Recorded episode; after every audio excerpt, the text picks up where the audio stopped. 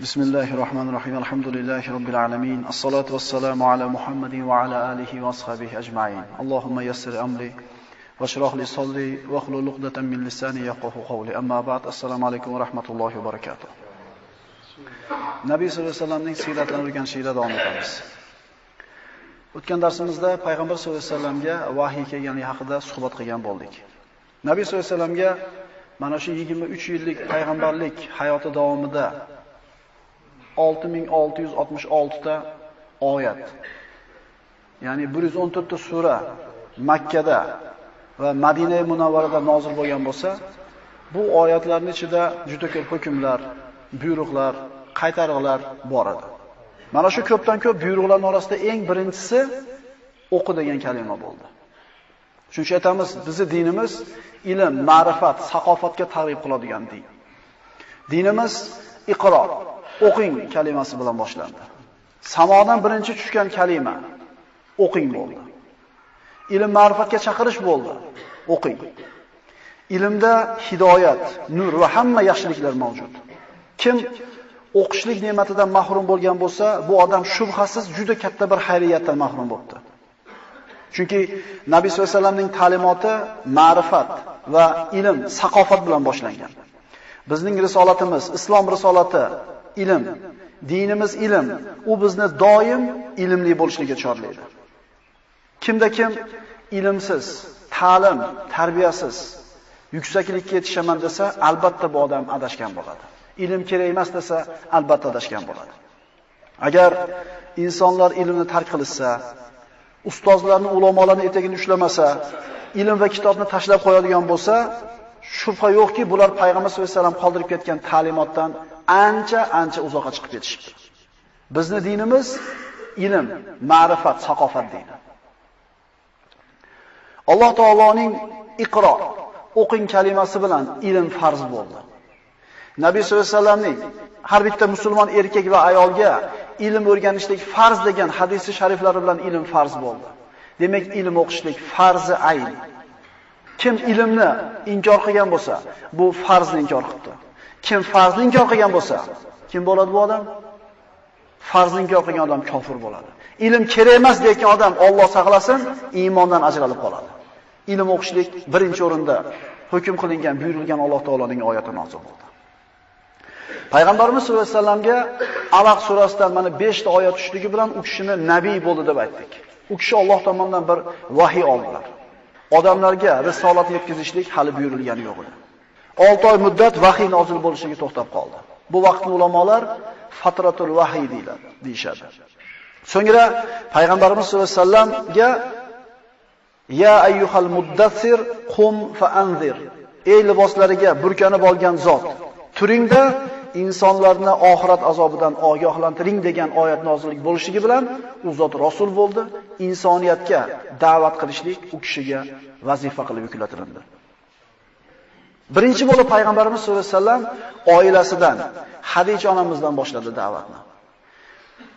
Hadija onamiz, Hadija onamiz birinchi bo'lib da'vat qilindi va shubha qilmasdan, ikkilanmasdan islomni qabul qildi.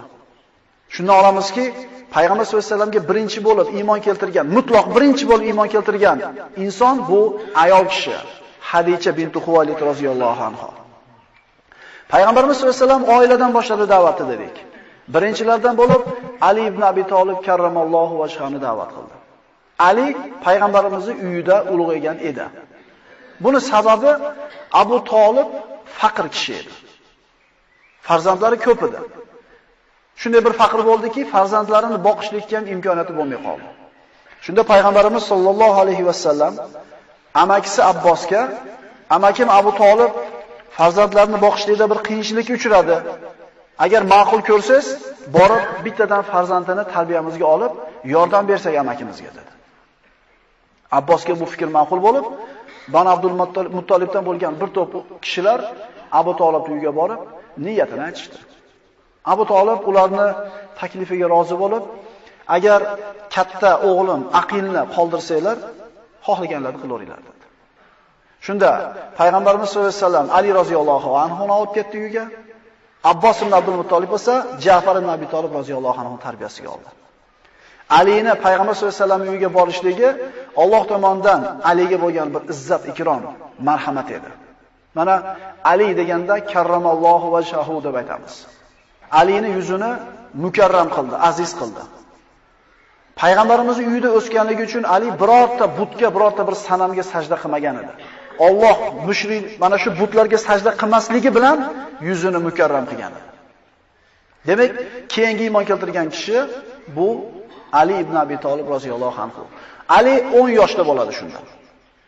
Payg'ambarimiz sollallohu alayhi vasallam Hadija onamiz bilan namoz o'qiyotganini ko'rganida, "Ey Muhammad, nima bu?" deb so'radi. 10 yashar bola.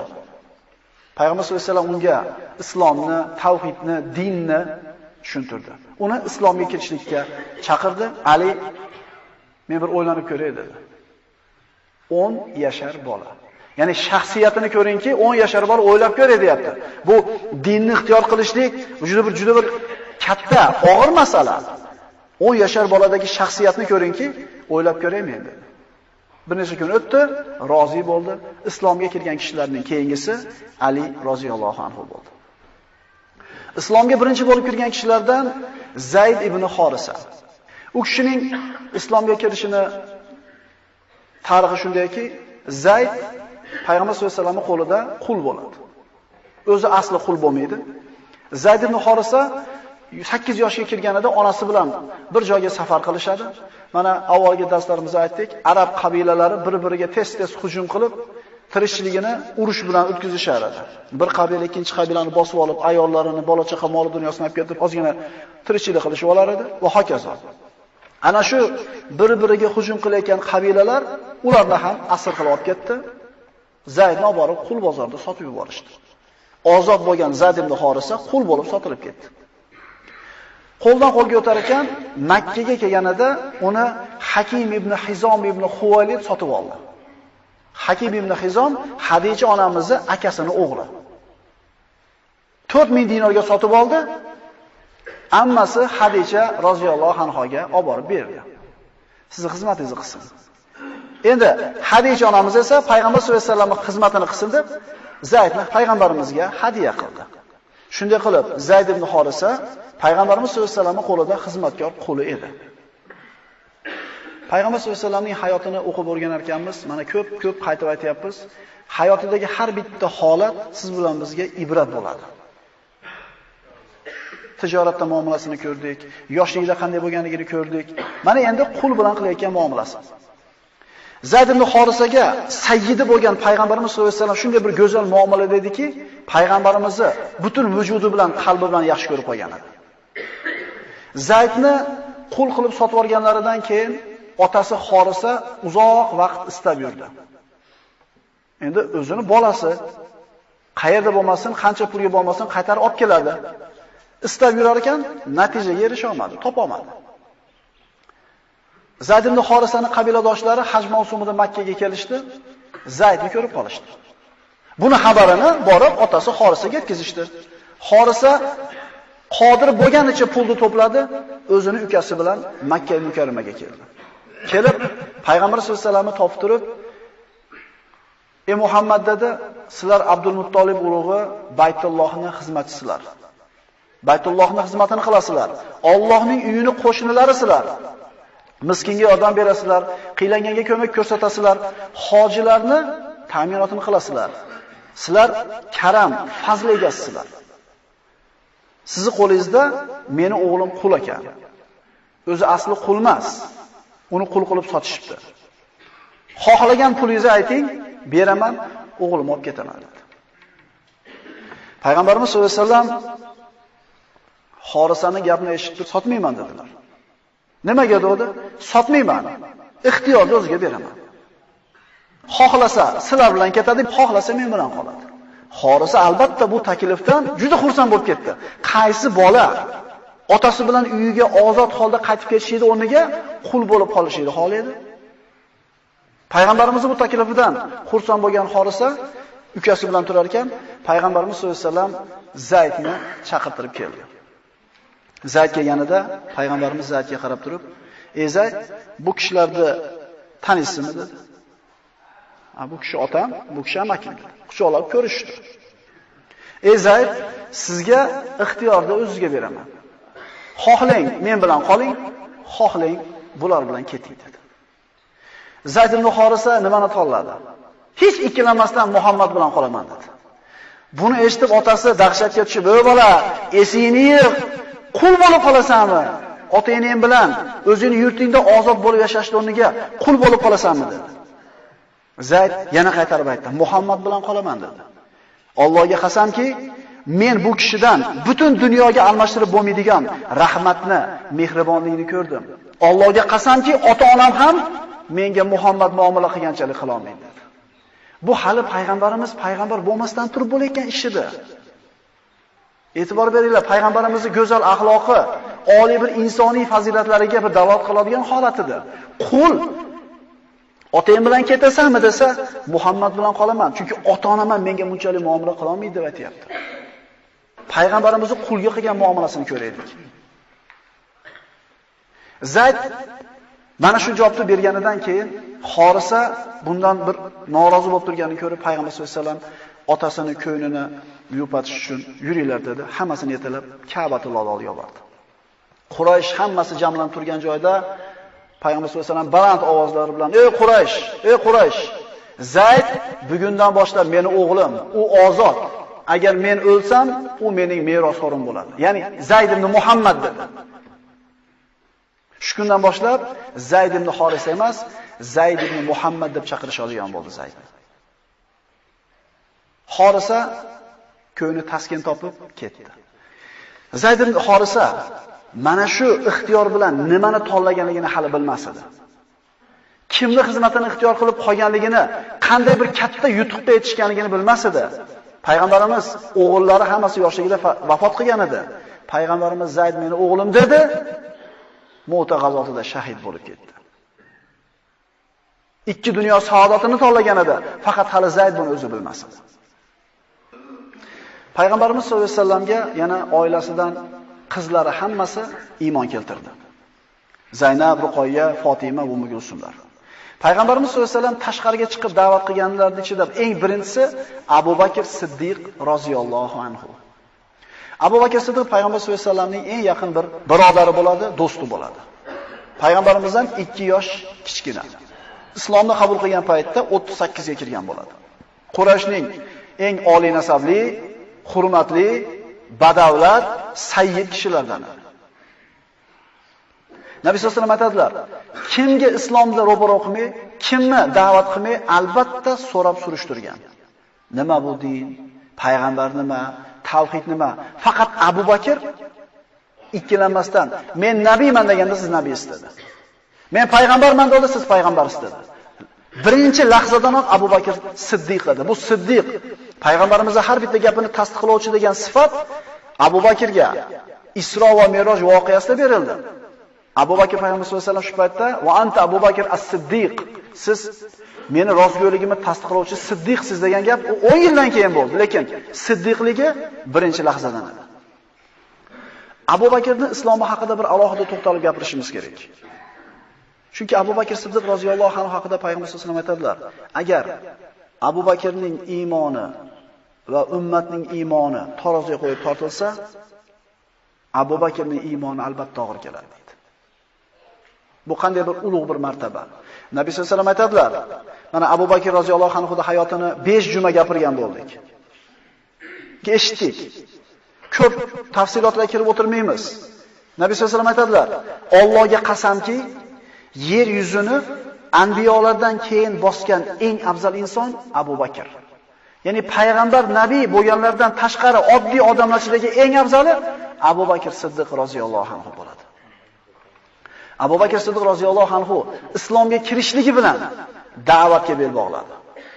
Bilishligi bilan odamlarga yetkazishlikni boshladi. O'rgandi, bildi, qalbi taskin topdi, boshqalarni ham mana shu dinga targ'ib qildi. Agar inson bir narsani bilsa, xususan diniy bilimlarni o'rgansa, boshqalarga yetkazmasdan o'zida ushlab turgan bo'lsa, bu ilmdan nima foyda bor? Ilmni o'rganishlikdan, o'qishlikdan maqsad nima? Odamlarga yetkazishmi? Odamlarni haqqa, Alloh tomonga yetaklashmi? Agar siz o'qiyotgan ilm faqat sizni sondig'ingizda kitob bo'lib qolib ketadigan bo'lsa, qoraka degan nom bo'lib qolib, odamlarni Alloh tomonga tortishlikka sabab bo'lmasa, bu ilm foyda bo'lmabdi. Abu Bakr iymon keltirdi, Allohning yakkaligini bildi, darrov mana shuni da'vat qildi. Hali payg'ambarimiz da'vat qiling deb buyurmagan edi. Hali da'vat qilishlik maxfiy edi, xos da'vatlar edi. Lekin Abu Bakr Siddiq haqligini bilgandan keyin, aqli bilan, qalbi bilan, ruhi bilan haqligini tushunganidan keyin odamlarni haqqa yetaklashni boshladi. Mana hadisda aytdik, Abu Bakr Siddiq roziyallohu anhu iymoni bir pallaga, ummatning iymoni bir pallaga qo'ysa Abu Bakr og'ir kelar ekan. Nimaga? Abu Bakr roziyallohu anhuning qo'lida asharai mubashshara bo'lgan kishilarning 6 tasi islomga keldi. Asharai mubashshara tirikligida payg'ambar sollallohu alayhi vasallamdan jannatiy ekanligini xabarni eshitgan 10 ta odam. 10 ta deyilsa, 6 tasi Abu Bakrning qo'lida kelyapti iymonga, 7-tinchisi o'zi Abu Bakr. Tirikligida jannatiyligini eshitgan 6 ta odam Abu Bakrning qo'lida iymonga kelgan bo'lsa, demak, mana shu 6 ta odamni qilgan hammasini savobidan Abu Bakrga ulush bor. Bunga o'zini qilgan amalini qo'shing. Endi bu asharay mubashsharani 6 tasi qaysinisi Abu Bakrga yeta oladi? Nabiy sollallohu alayhi vasallamda shunday mazmunda hadislar bor. Kim bir yaxshi sunnatni hayotga olib chiqsa, unga amal qilganlarning ajridan shu boshlagan odamga savob bor. Kim yomon sunnatni, yomonlikni inson o'rtasida tarqatsa, odamlar mana shu yo'lga ergashib turib, gunoh topsa, shu yomonlikni boshlagan odamga ulush bor. Endi bu 6 odamni kim da'vat qildi? Aytinglarchi, mana shu 6 ta odam islomga kirish kerak edi, mana shu bir haftaning ichida. Abu Bakr da'vat qilmasa, demak boshqasi da'vat qilardi ekan uni. Ana shu yutuqda Abu Bakr Siddiq roziyallohu anhu olib ketdi. Ular kimlar edi?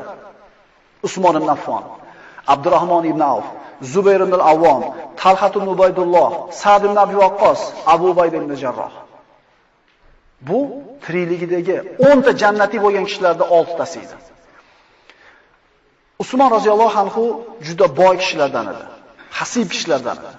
Abdurrahmon ibn Avf mohir savdogar edi. Madinaga borganda birinchi qilgan ishi o'zimizni bozorimiz bo'lish kerak ekan bu yerda. deb turib islomiy bozorni islomiy iqtisod yo'lga qo'ygan edi. Yahudlarning xiyonatlarini, u yerdagi tijoratdagi makrlarni ko'rgandan keyin. Talhat ibn Ubaydulloh, Zubayr ibn Avvom payg'ambarimizning ammasi Sofiya binti Abdul Muttolibning o'g'li edi. Sofiya onamizning o'g'li edi. Zubayr ibn Avom haqida payg'ambarimiz aytadilarki, har bitta payg'ambarning havorisi bo'ladi. Isoning havoriylari bo'lganidek. Mening havoriyim Zubayr ibn Avom deganlar. 16 ga kirgan edi shunda. Zubayr ibn Avom roziyallohu anhu onasi tarbiyalagan edi. Onasi Sofiya bint Abdul Muttolib Zubayr 5 yashar paytida Zubayr ibn Avvom nohata dovyurak sahobalardan bo'lgan, jasur jangchilardan bo'lgan, yengilmagan birodarlar. Ikkita qo'lida qilich bilan tench chopishgan ekan ikki tomonga. Xandaq g'azotida 5 ta mushrik Xandaqni bu yoqqa oqlab o'tdi. Amr ibn Hudni Ali roziyallohu anhu o'ldirdi. Endi qochib ketayotgan mushriklardan Nafal ibn Abdulloh ibn Muaviya Xandaqdan irg'iganida Zubayr ibn Avvom shunday qilich bilan uradiki 31 ga kirgan bo'ladi shunda. Qilich yelkasiga tegib, ikkiga bo'lib egayga kelib to'xtaydi. Mushrik ikkiga bo'lib Handaqqa tushadi, ot o'tib ketadi. Shunda, "Ya Rasululloh, zo'r qilish ekanmi?" degan. Deganda payg'ambar sollallohu alayhi vasallam qilich zo'r emas, bu qilichni ushlagan yurak zo'r dedi. Zubayr ibn Avvomni onasi tarbiya qilgan. 5 yashar bolani qorong'i-qorong'i xonalarga yoki g'orlarga tashab qo'ysa, tashab qo'yib chiqib turar ekan bu yoqqa. Yig'laydi tabiiy kirib urar ekan. Nimaga yig'laysan? Yig'lama, qo'rqma. Nimaga bolangni qiynayapsan buni qilib desa, ha bu suvoriy bo'lish kerak katta bo'lganda, jangchi bo'lish kerak qavmini himoya qiladigan.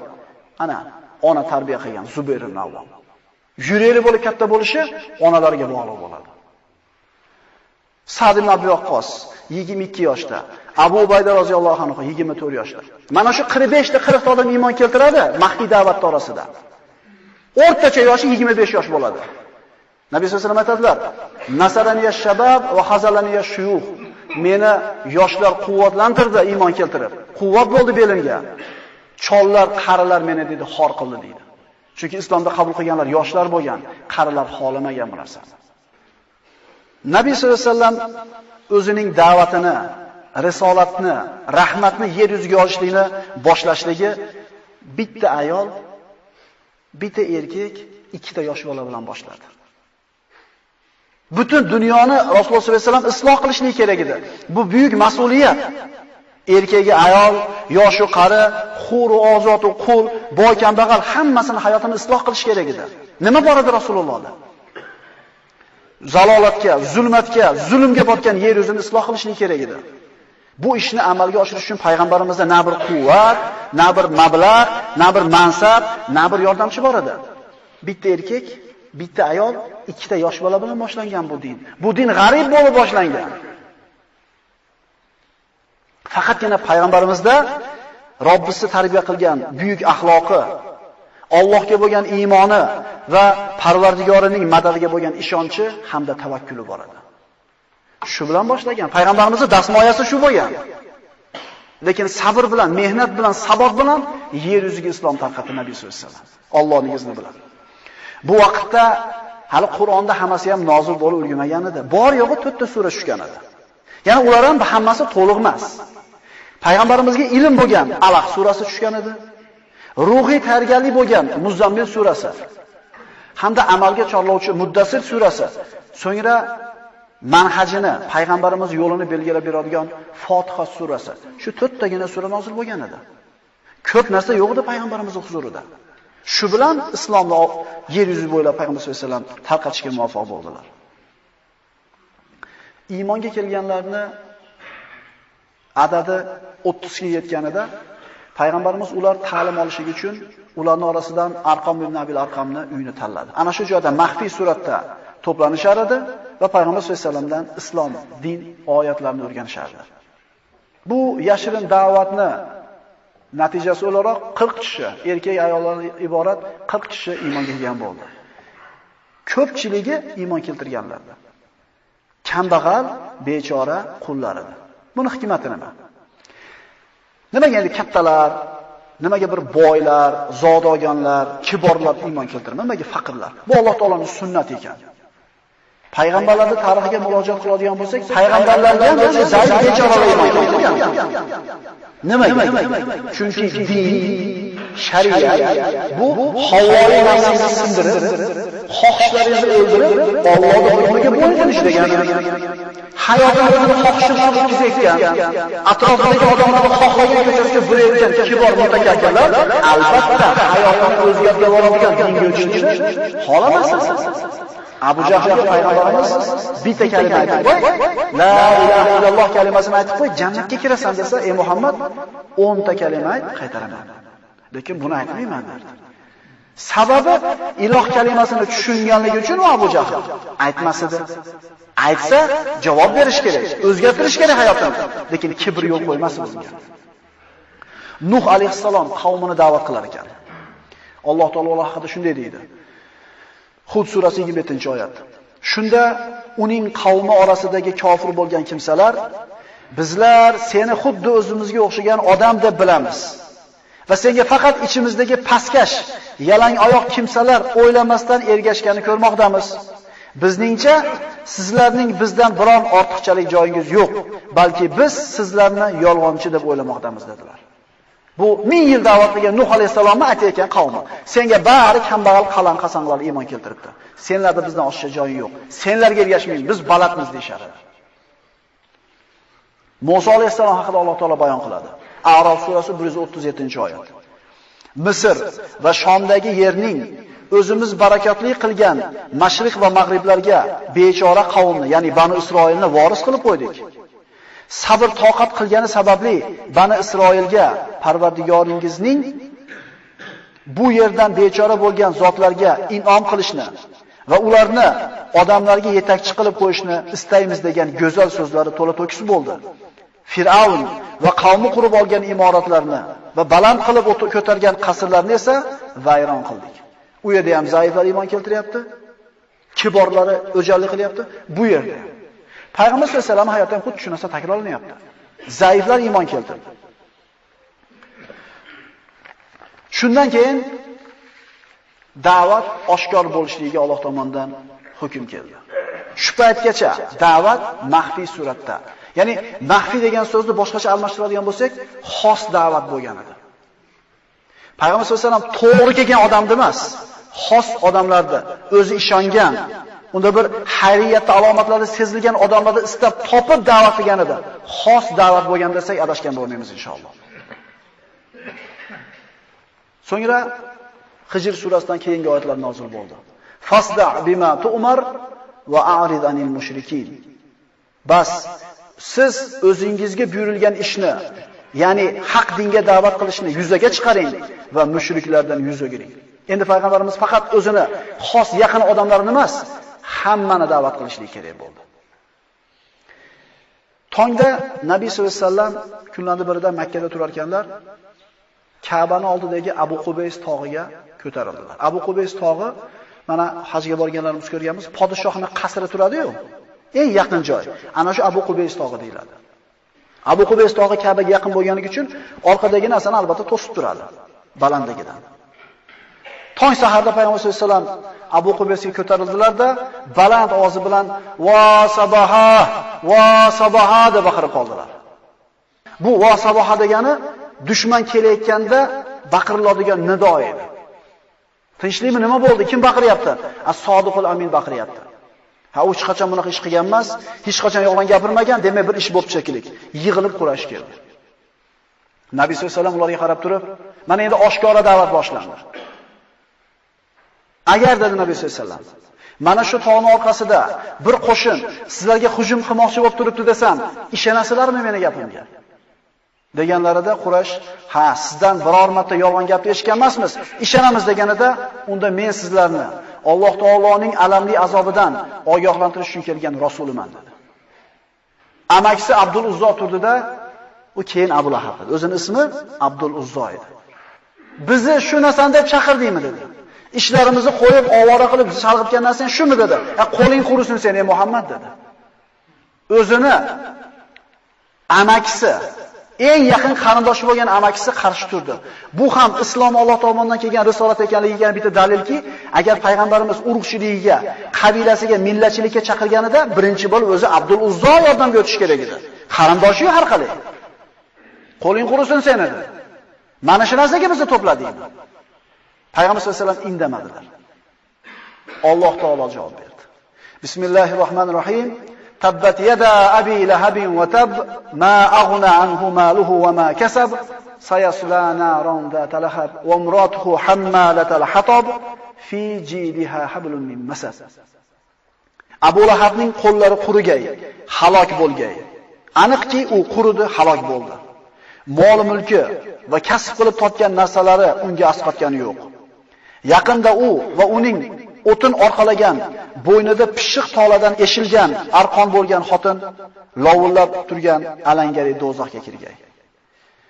Abdul Uzzoni, ya'ni Abu Lahabning xotini Ummu Jamil qayerda payg'ambarimiz haqida gapirishga to'g'ri kelsa, faqat yomon edi gapirardi. Payg'ambar sollallohu alayhi vasallam o'tadigan yo'llarga tikanlar tashab qo'yar edi, oyog'iga sayilsin, ozorcha yesin deb. Bu yaqin qarindoshlari edi. Mana siyratni o'rganishlikda ahamiyatini ko'ringki, Qur'on oyatlarini juda ko'p qismini tushunishligimiz uchun siyratni bilishimiz kerak. Nima uchun Lahab surasi, Masad surasi nozil bo'ldi deganda, mana shu qissani bilishimiz kerak bo'ladi. Bu siyrat bizga Qur'onni o'rganishlikka qanchalik bir kerak ekanligiga bir dalil bo'ladi. Nabiy sollallohu alayhi vasallamga Alloh taolo qarindoshlarini da'vat qilishlikni buyurdi. Va anzir ashiratakal aqrabin. Va yaqin qarindosh urug'laringizni Allohning azobidan ogohlantiring. Shuora surasi 214-oyat. Mana shu oyat tushganda payg'ambarimiz butun Abdul Muttolib urug'ini yig'ib, ularga ziyofat qildi. Ularni ikrom qilib, hurmat qilib, yedirib, ichirib turib, gapirmoqchi bo'lganida yana Abdul Uzzo turdi, Abu Lahab. Ey Muhammad, agar yana diningni gapidan gapiradigan bo'lsang, gapirma. Biz eshitmaymiz dedi. Payg'ambar sollallohu alayhi vasallam indamadilar. Holat gapirishlikka to'g'ri kelmayotganligini ko'rgandan keyin indamay qo'ydilar. Kim? Yedinglarmi? Ichdinglarmi? Men shuncha chiqim qilib qolaveraman gapirmasdan. Eshitasizlar gapimni dedimi? Da'vat qilishdan o'rganaylik payg'ambar sollallohu alayhi vasallamdan. E, uyga chaqirdi, rasxod qildi, chiqim qildi, qancha vaqti ketdi. Endi yeganinglarga eshitsasan-da, nima? Men senlarga qolaman urcha ketadi dedimi? Demak, da'vat qilinadigan holat bor. Da'vat qilinmaydigan holat bor. Munosib o'rin bor, munosib payt bor. Bepayt unga gapirsiz gapingizni olmaydi haq bo'lsa ham. Biz kimni o'rganamiz da'vat qilishda? Payg'ambarimiz sollallohu alayhi vasallamdan. eshitishni xohlamayotgan odamga, o'jarlik qilayotgan odamga gapirib bu so'zlar islob qilinmaydi. Bu Allohning kalomi biz gapirayotgan narsa. Uni eshitishni xohlagan odam bor, xohlamagan bor. Ro'paramizda nasihat qilinadigan odam uch xil bo'ladi. Bilib olaylik yaxshilab shuni. Da'vatingizni olishligi aniq nasihatingizni. Olmasligi aniq ikkinchisi. Uchinchisi yo oladi yo olmaydi. Ulamolar aytadi, da'vatingizni olishi aniq bo'lgan odamga gapirmasangiz gunohkor bo'lasiz. Xotiningiz, bolangiz yoki qandaydir qo'l ostidagi bir itoatdagi odamingiz. Ikkinchisi, olmasligi aniq. Bu odamga gapirgan odam xato qiladi. Bir marta aytingiz, ikki marta olmadimi? Bu adab isrof qilinmaydi. Uchinchisi yo oladi, yo olmaydi. Endi bunga xolang gapiring, xolang gapirmang, gunohkor bo'lmaysiz gapirsiz. Gapirmasangiz ham gunohkor bo'lmaysiz. Unaqa yoqasini o'sha bo'g'ishlik yo'q. Keyin payg'ambarimiz sollallohu alayhi vasallam boshqa bir ziyofat uyushtirdilar, Abdul Uzzoni aytmadilar. Undan keyin nima qilish kerak esa payg'ambarimizning siyratini o'qisa yana chiqyapti javob. Abdul Uzzodan boshqa hammasini chaqirib turib, yedirib, ichirib bo'lib, sovg'alarni berib, ko'ynalarni yumshatib turib, bittama-bitta da'vat qildilar. Nomma-nom aytib keldilar. Ey falonchi, o'zingizlarni jahannam azobidan saqlanglar. Nomma-nom. Ey Sofiya bint Abdul Muttolib, Alloh taoloning huzurida sizga hech qanday yordam bera olmayman. Bittama-bitta. Ey Fatima binti Muhammad. Meni molimdan xohlagan narsangizni so'rang. Lekin qiyomat kunida Allohning azobidan sizni qutqarib qola olmayman. yarimta xurmoda sadaqa qilib bo'lsa ham jahannamdan o'zinglar saqlab olinglar dedi Nabiy sollallohu alayhi vasallam. ban Abdul Muttolibdan iymonga kelganlar iymonga keldi, kelmaganlari kelmadi. Sofiya bint Abdul Muttolib islomga kirgan ana shu kishilardan bittasi bo'ldi. Aqulu qawli hada va astagfirulloh li va lakum. Assalomu alaykum va rahmatullohi va barakatuh.